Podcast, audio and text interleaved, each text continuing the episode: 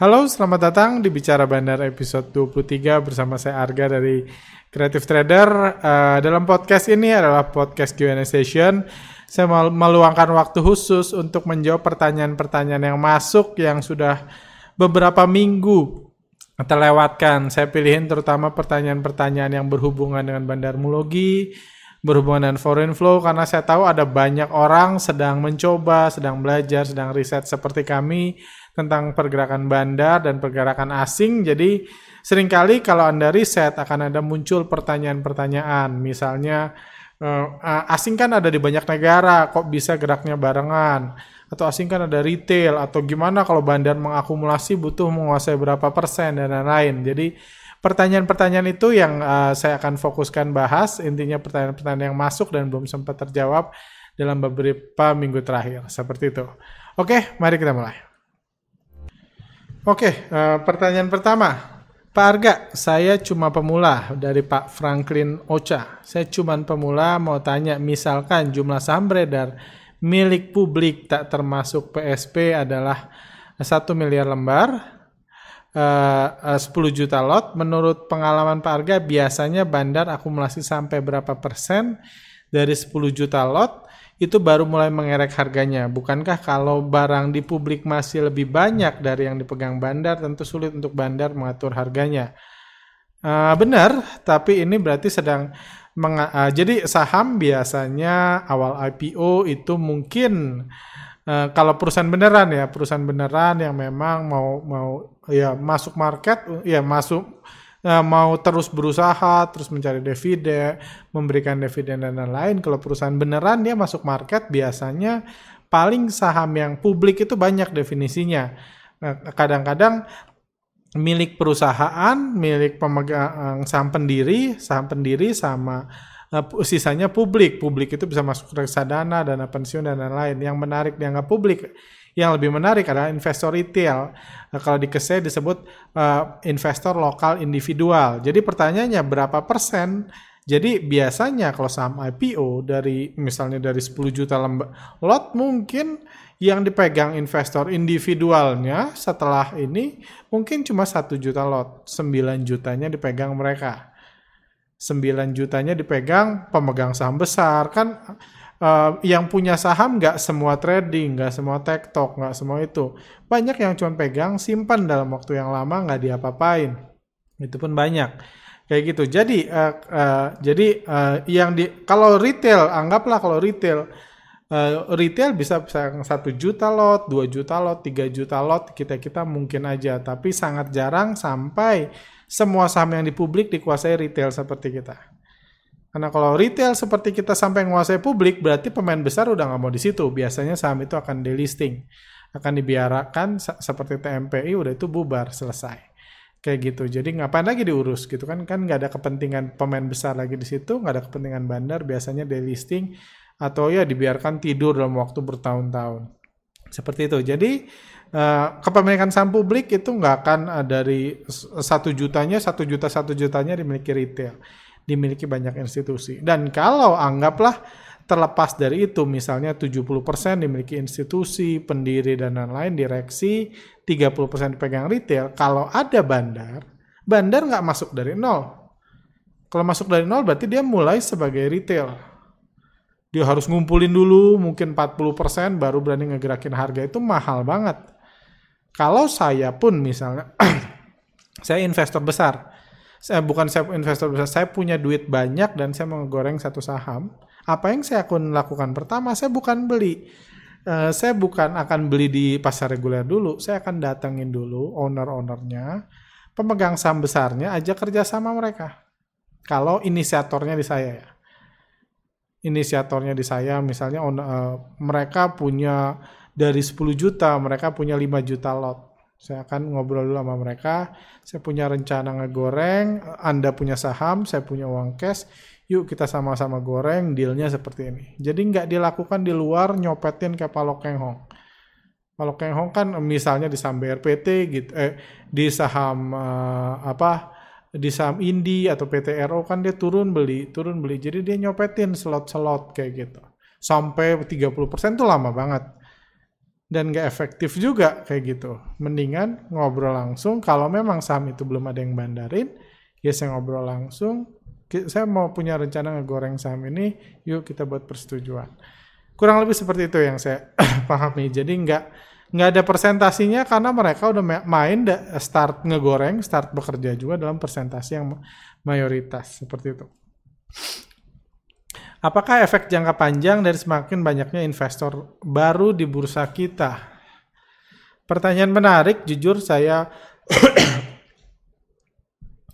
saya anggap kalau terlalu banyak yang main di sektor real, uh, di sektor uh, bursa saham, dana sektor real masuk ke bursa saham dan pasca pandemik nggak keluar lagi, itu jelek banget buat ekonomi.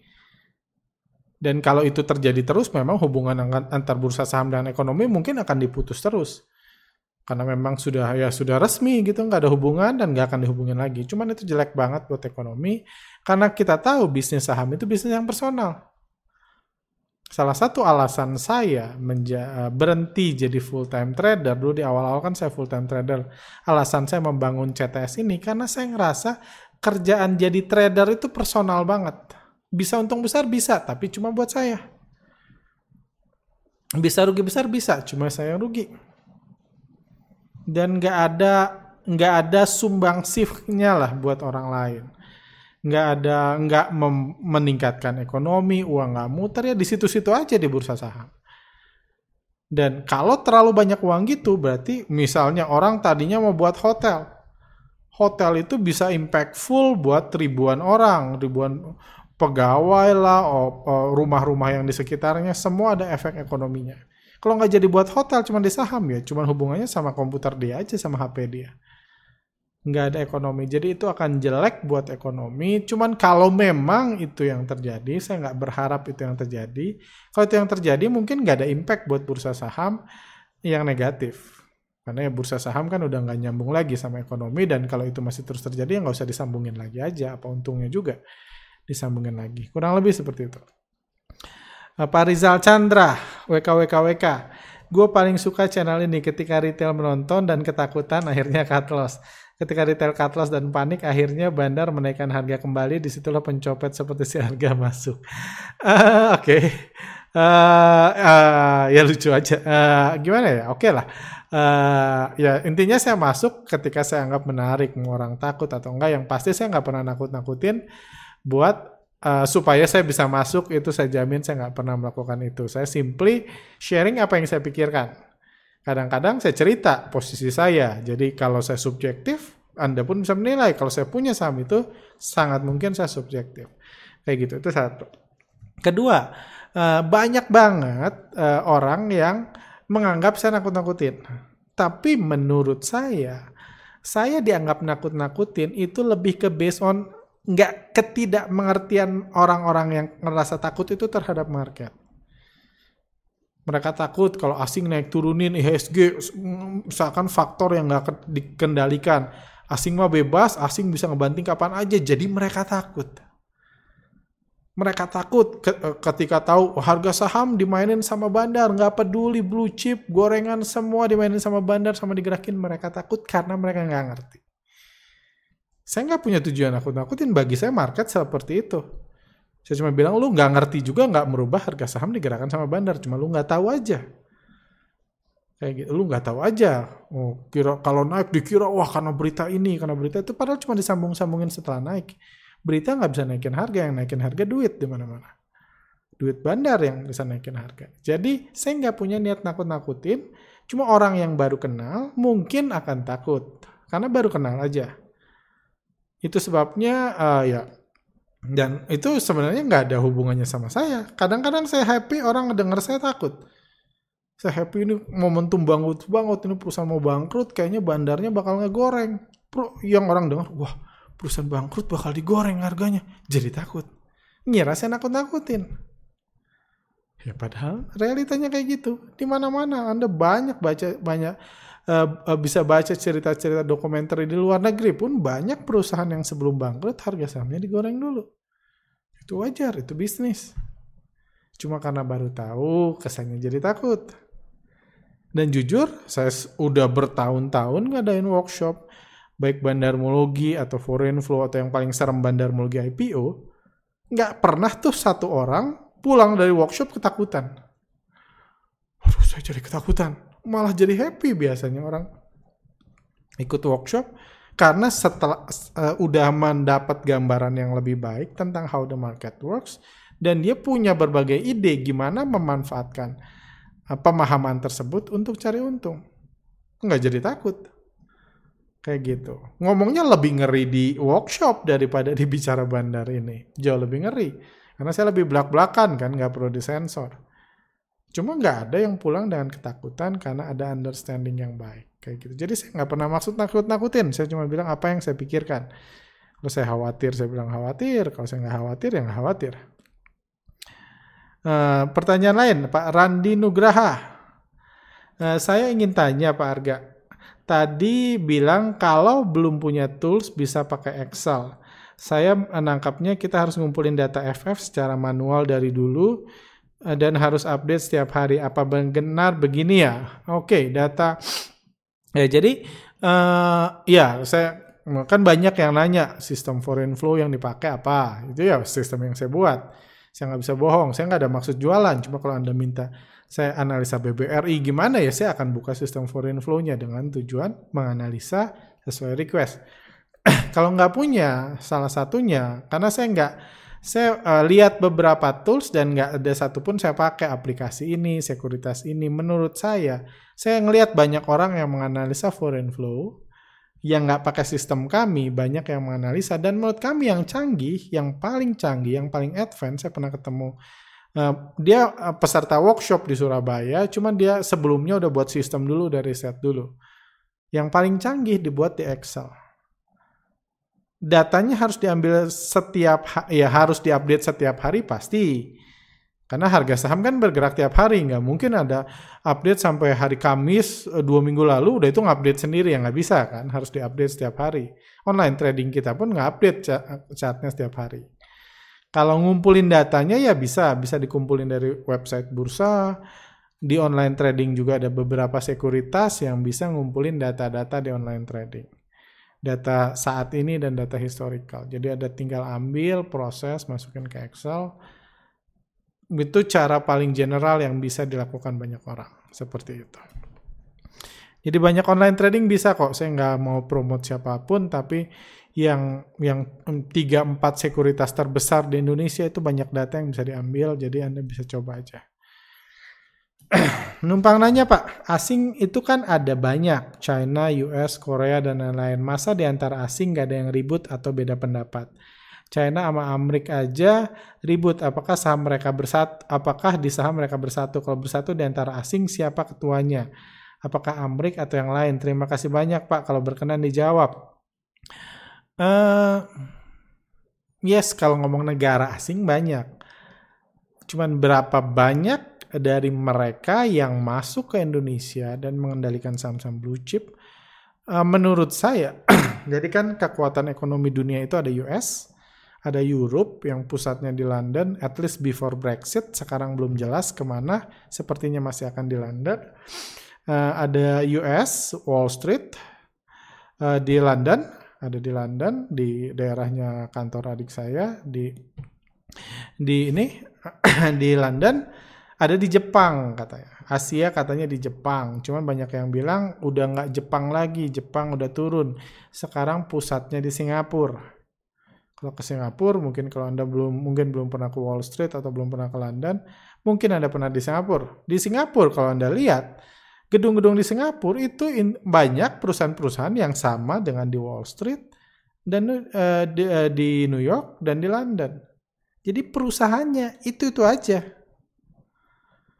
Perusahaannya itu-itu aja, mereka barengan, Wall Street itu dekat. Saya lupa tempat adik saya apa di Inggris, kok saya lagi ngeblank aja. Di itu pun ada daerah lebih elit di London, itu tempat uh, financial district kayak di di Indonesia kan di SCBD kan, cuma di SCBD nggak banyak yang yang raksasa-raksasa. Kalau di uh, Eropa itu mereka baris itu-itu aja kok penguasanya. JP Morgan lagi, Merrill Lynch lagi, uh, apa BNP Paribas, banyak lah itu-itu aja sekitar 8, Barclays dan lain-lain. Itu-itu doang kok. Mereka selalu barengan, at least kantornya barengan, berarti saling mengenal, kadang-kadang direksinya pindah-pindah dari satu ke tempat lain, kayak gitu. Citigroup. Jadi itu-itu aja sih mereka yang investor asing yang cari duit di ini. Memang ada perusahaan sisanya uh, jadi itu sebabnya kalau Anda perhatikan bursa dunia di masa Covid jatuhnya barengan, bangkitnya barengan. Karena yang ngatur juga ya itu-itu doang. Kecuali bursa China, menurut saya bursa China itu bandarnya beda. Nggak masuk, oh itu nggak masuk pergerakan yang sama. Jadi kalau Anda perhatikan aja, bisa kasih PR, Anda lihat pas jatuh di masa Covid pas bulan Maret dan pas rebound, itu hampir sama semua harinya. Beda-beda biasanya karena di Indonesia pada saat itu libur. Jadi baru dua hari setelahnya IHSG naik 10%. Karena sebelumnya libur. Di US, di Eropa, semua reboundnya sama. Semua jatuhnya pun sama. Kenapa? Karena yang ngatur sama, yang mutusin crash sama, yang nerbangin sama. Ada apa kejadian pada saat itu? Nggak ada apa-apa. Pas jatuh nggak ada apa-apa, ya ada COVID sih. Cuma COVID udah mulai sebulan nggak ada pertumbuhan luar biasa di hari kejatuhan, sehari setelah kejatuhan nggak ada pertumbuhan luar biasa, pas bangkit pun nggak ada vaksin, nggak ada apa, nggak ada apa-apa. Simply itu keputusan mereka-mereka pemain besar. Jadi orangnya sih itu-itu aja. Siapa ketuanya, negaranya, simply itu dikuasai oleh perusahaan. Maksudnya perusahaannya, ya itu-itu aja lah. Nggak usah saya mention di sini. Halo Pak Arga, saya mau bertanya, peran asing di HSG apakah semua peran menjadi bandar?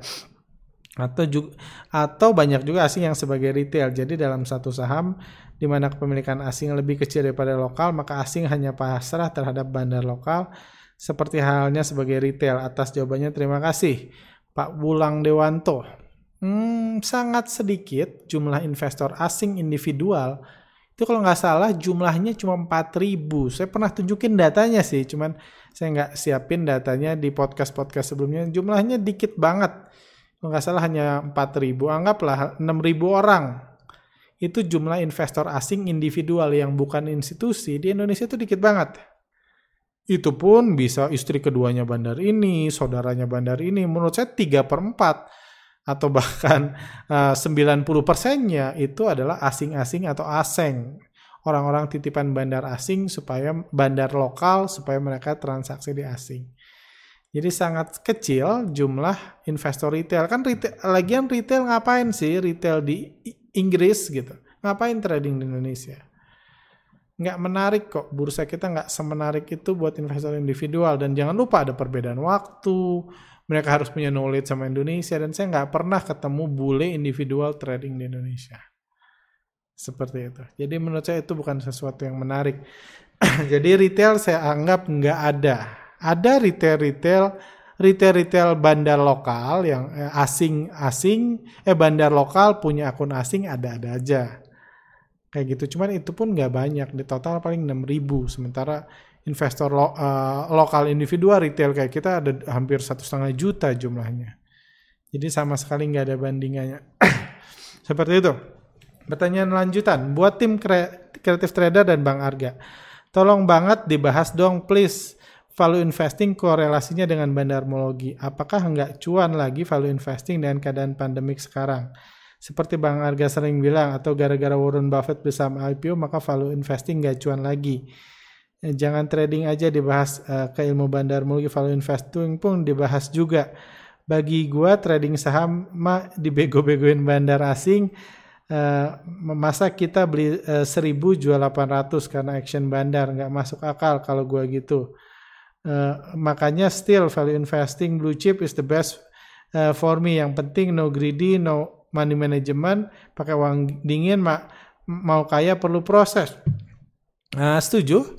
Uh, nggak masalah sama sekali. Kalau anda uh, tahu anda punya sabar, anda akan sabar, anda punya manajemen, uang dingin, anda beli saham blue chip kalau murah, tunggu naik. Kalau masih punya duit lagi, masih tambah turun, beli lagi. Saya setuju. Nggak pernah again strategi itu bahkan saya cerita pun adiknya istri saya pun saya sarankan seperti itu. Karena dia sibuk dia ada uang cukup bukan uang dingin ya gitu aja. Nggak usah pusing-pusing analisa kayak gitu saya bilang uh, panjang-panjang selama ini. Cuman uh, jadi saya setuju kalau soal strateginya saya setuju. Cuman yang saya sering bahas tentang pertama Warren Buffett itu nggak bisa lagi gitu dan nggak melakukan itu lagi sekarang. Nah, Warren Buffett uh, dipuja-puja karena beli saham Coca-Cola, beli saham Walmart, kalau nggak salah American Express zaman dulu. Ketika harga sahamnya sangat murah dan dia beli. Cuman kejadian itu tidak pernah terjadi lagi sekarang. Kayak gitu. Kalau ngomong uh, value investing, ada yang bilang value investing itu beli di bawah harga book value-nya.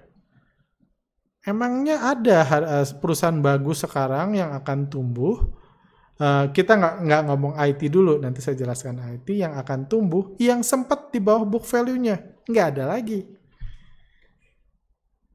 Saya lupa, cek aja pas BRI terendahnya waktu crash itu, apakah dia PBV-nya udah satu? BCA apakah PBV-nya satu? Kayak gitu. Telkom yang udah diguyur asing terus-terus, apakah PBV-nya satu? Apakah pernya 5 gitu? per rata-rata pernya 5 dan nggak terancam bangkrut. Nggak ada lagi. Ya at least bagi saya yang saya lihat nggak ada lagi. Mungkin ada luar biasa cuman hampir nggak ada. Jadi metode yang dulu work sekarang udah nggak ada. Itu satu. Jadi menurut saya itu tentang kalau value investing itu berha- uh, uh, dipoinkan book value. Cuman karena book value nggak nggak ada, dibuat value investing itu di bawah harga wajar. Nah, harga wajar itulah yang bebas dibuat. Kalau nggak percaya, Anda lihat aja riset misalnya perusahaan besar yang bisnisnya sangat sederhana, ICBP, jualan Indomie, kan bisnisnya sederhana banget. Anda lihat, ada 20 sekuritas, 30 sekuritas yang rekomendasiin. Anda lihat harga wajarnya ada yang sama nggak? Nggak ada. Nggak ada yang sama.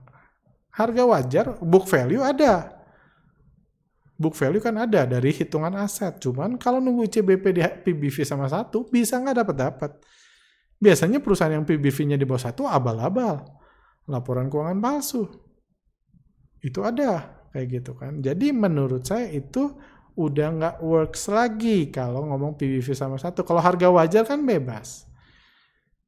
Ada yang bilang, ada yang gaya, saya pakai value investing, makanya saya beli BBRI, bagus.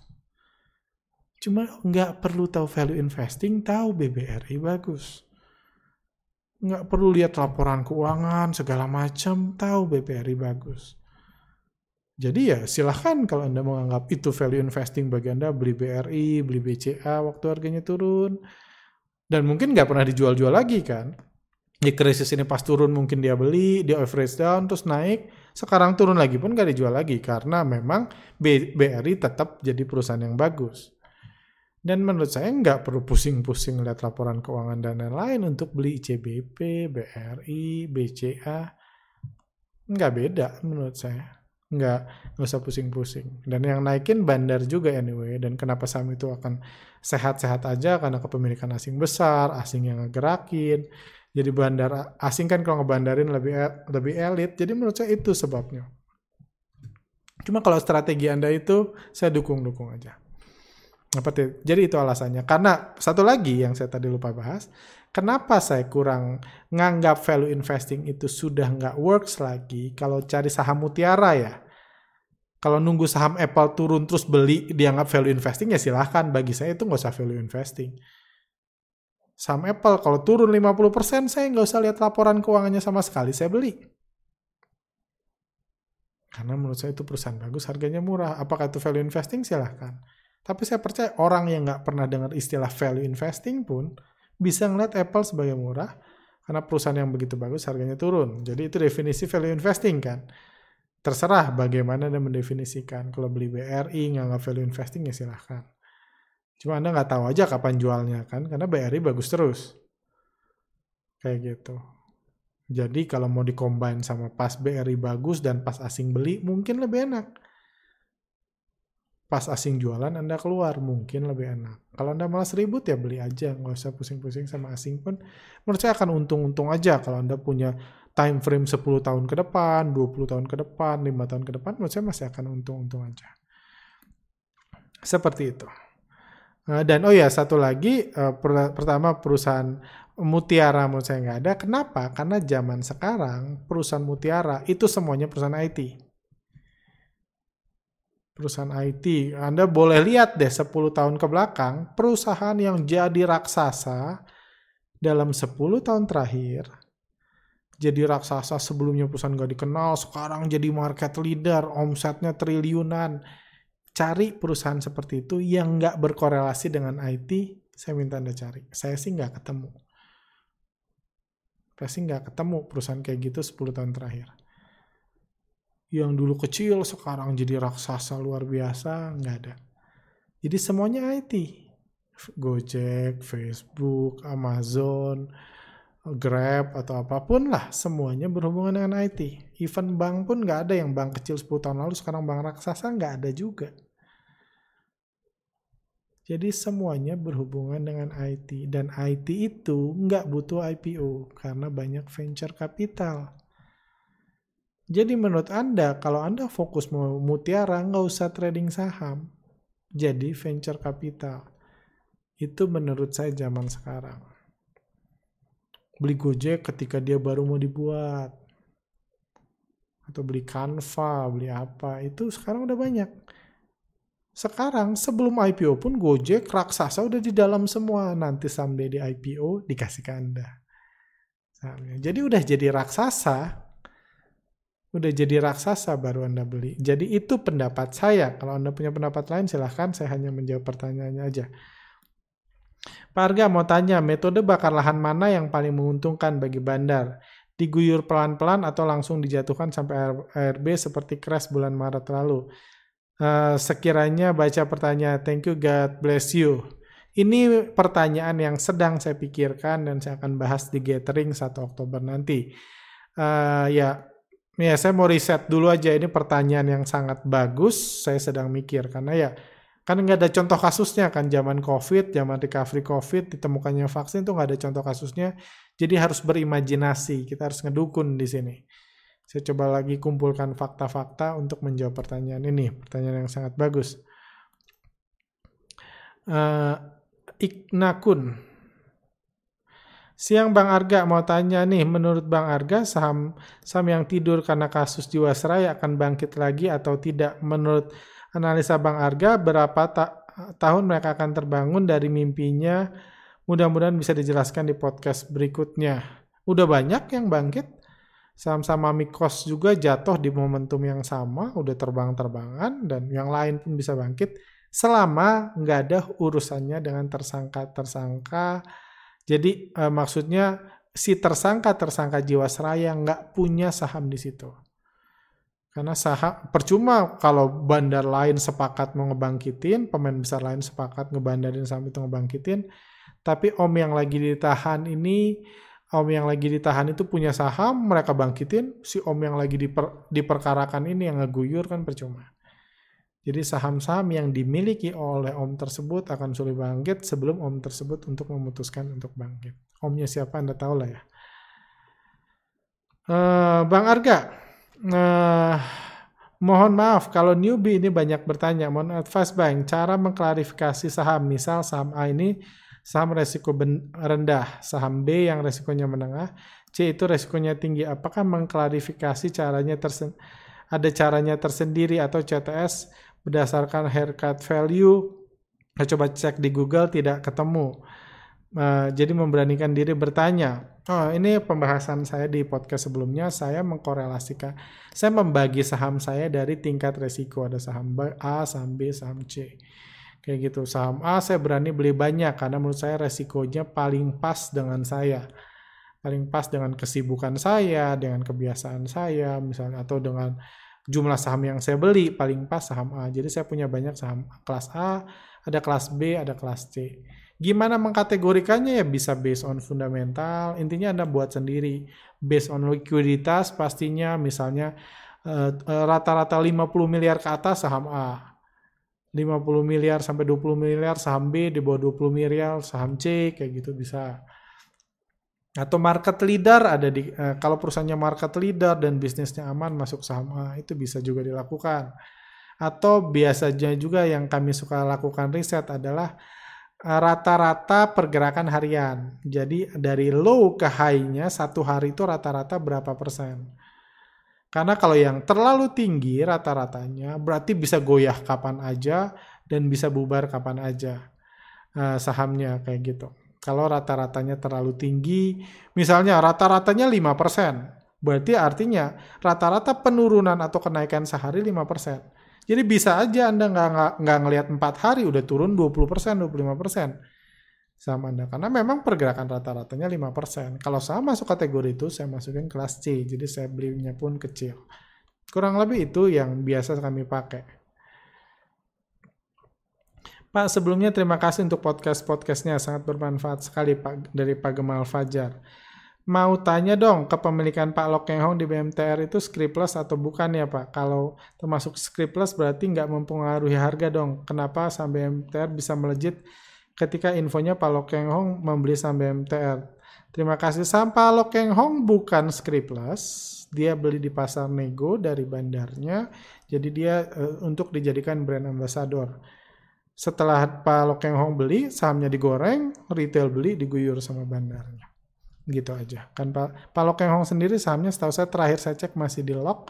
Karena dia sekarang udah bagian jadi brand ambassador dari BMTR kalau pendapat saya seperti itu jadi nggak inilah nggak ada nggak ada urusannya kok naik naiknya harga sama pembelian lokeng pak lokeng belinya di pasar nego kayak gitu baru setelah ini setelah ada fotonya pas sebelum ada fotonya digoreng dikeluarin fotonya retail mau beli terus dijual bandarnya.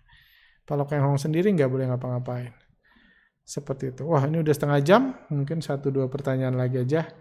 Min, semakin ke sini pembahasan CT semakin tajam dan sepertinya semakin ada banyak orang yang tidak suka kalau investor retail jadi pintar. Kalau saya amati, semakin ke sini semakin banyak haters-haters yang bertebaran di Instagram atau YouTube Creative Trader. Dan komentar-komentarnya menurut saya mulai mengganggu.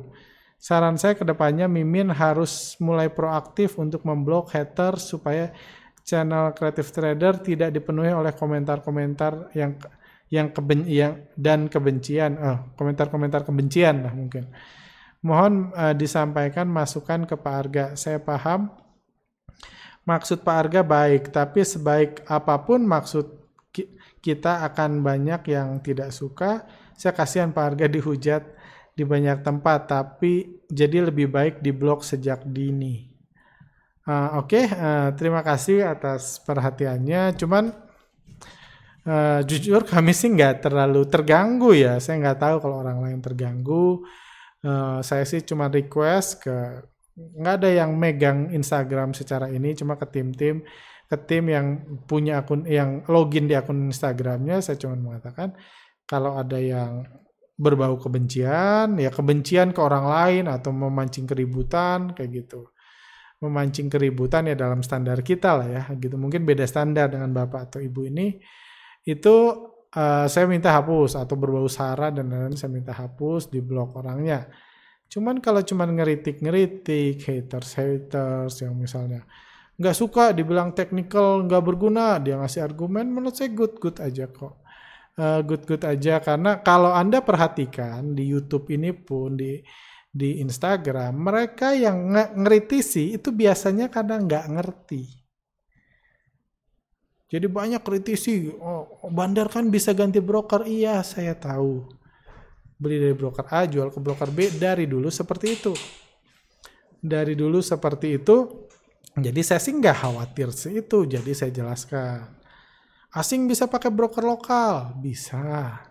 Jadi banyak yang mengkritisi tapi nggak ngerti nggak nonton videonya dan ah, kita juga tahu banyak juga misalnya perusahaan-perusahaan yang punya buzzer tersendiri. IG-nya cuma satu dua cuman dia mau either mempromosikan atau menjatuhkan orang lain. Menurut saya sih saya sih nggak terganggu kayak gitu. Jadi menurut saya eh, dan menurut saya terlepas dari itu terlepas dari mungkin mereka buzzer, buzzer uh, misalnya dia menawarkan produk atau menjatuhkan produk, atau dia nggak ngerti, menurut saya terlepas dari itu, menurut saya at least itu bisa membuka orang untuk uh, berpikir lebih luas. Ada sudut pandang lain, ada pemahaman lain. Jadi saya takut newbie masuk ke sini nggak punya sudut pandang lain, langsung kayak terdoktrinasi tanpa referensi apa-apa. Uh, seperti itu. Uh, se uh, Oke, okay. uh, jadi uh, uh, itu jadi saya pribadi, sorry tadi agak keputus. Jadi saya pribadi nggak terganggu. Dan saya sih cukup ya saya nggak nggak pertama nggak terlalu peduli kayak gitu dengan uh, dengan tema-tema seperti itu. Dan uh, ya nggak ya kalau saya dijerak-jerakin sih nggak apa-apa. Saya sih nggak nggak ini nggak peduli kayak gitu. Dan eh, ya cuman saya senang ada sudut pandang lain ada debat. Jadi karena menurut saya saya eh, tumbuh dari keluarga yang yang suka berdebat dan menurut saya itu salah satu yang membuat saya jadi punya critical thinking yang saya syukuri sampai saat ini. Keluarga sekarang, saya sekarang setiap ngumpul kayak suka debat tentang ini, tentang ini, dan menurut saya itu sangat berjasa. Jadi kalau Anda pengen berdebat di sini ya silahkan, cuman so far nggak banyak tuh pertanyaan-pertanyaan saya yang memicu saya untuk ikut ikut ber, ikut uh, ikut ngasih argumen dan lain-lain karena bagi saya oh dia belum ngerti aja kagak nonton ya udah nggak apa-apa nggak perlu saya panjang-panjangin atau kalau ada yang menarik saya angkat di sini saya bahas seperti itu. Oke, mungkin uh, sampai sini aja uh, untuk video kali ini. Thank you buat pertanyaan-pertanyaan yang masuk. Kalau Anda punya pertanyaan lain tentang pembahasan ini, silahkan taruh di kolom komentar. Uh, silahkan like kalau Anda suka materi ini, dislike kalau nggak suka, atau subscribe seperti itu. Uh, atau sorry. Uh, Oke, okay. uh, eh, supaya nggak suka, uh, kalau nggak suka, thank you. Uh, see you next time.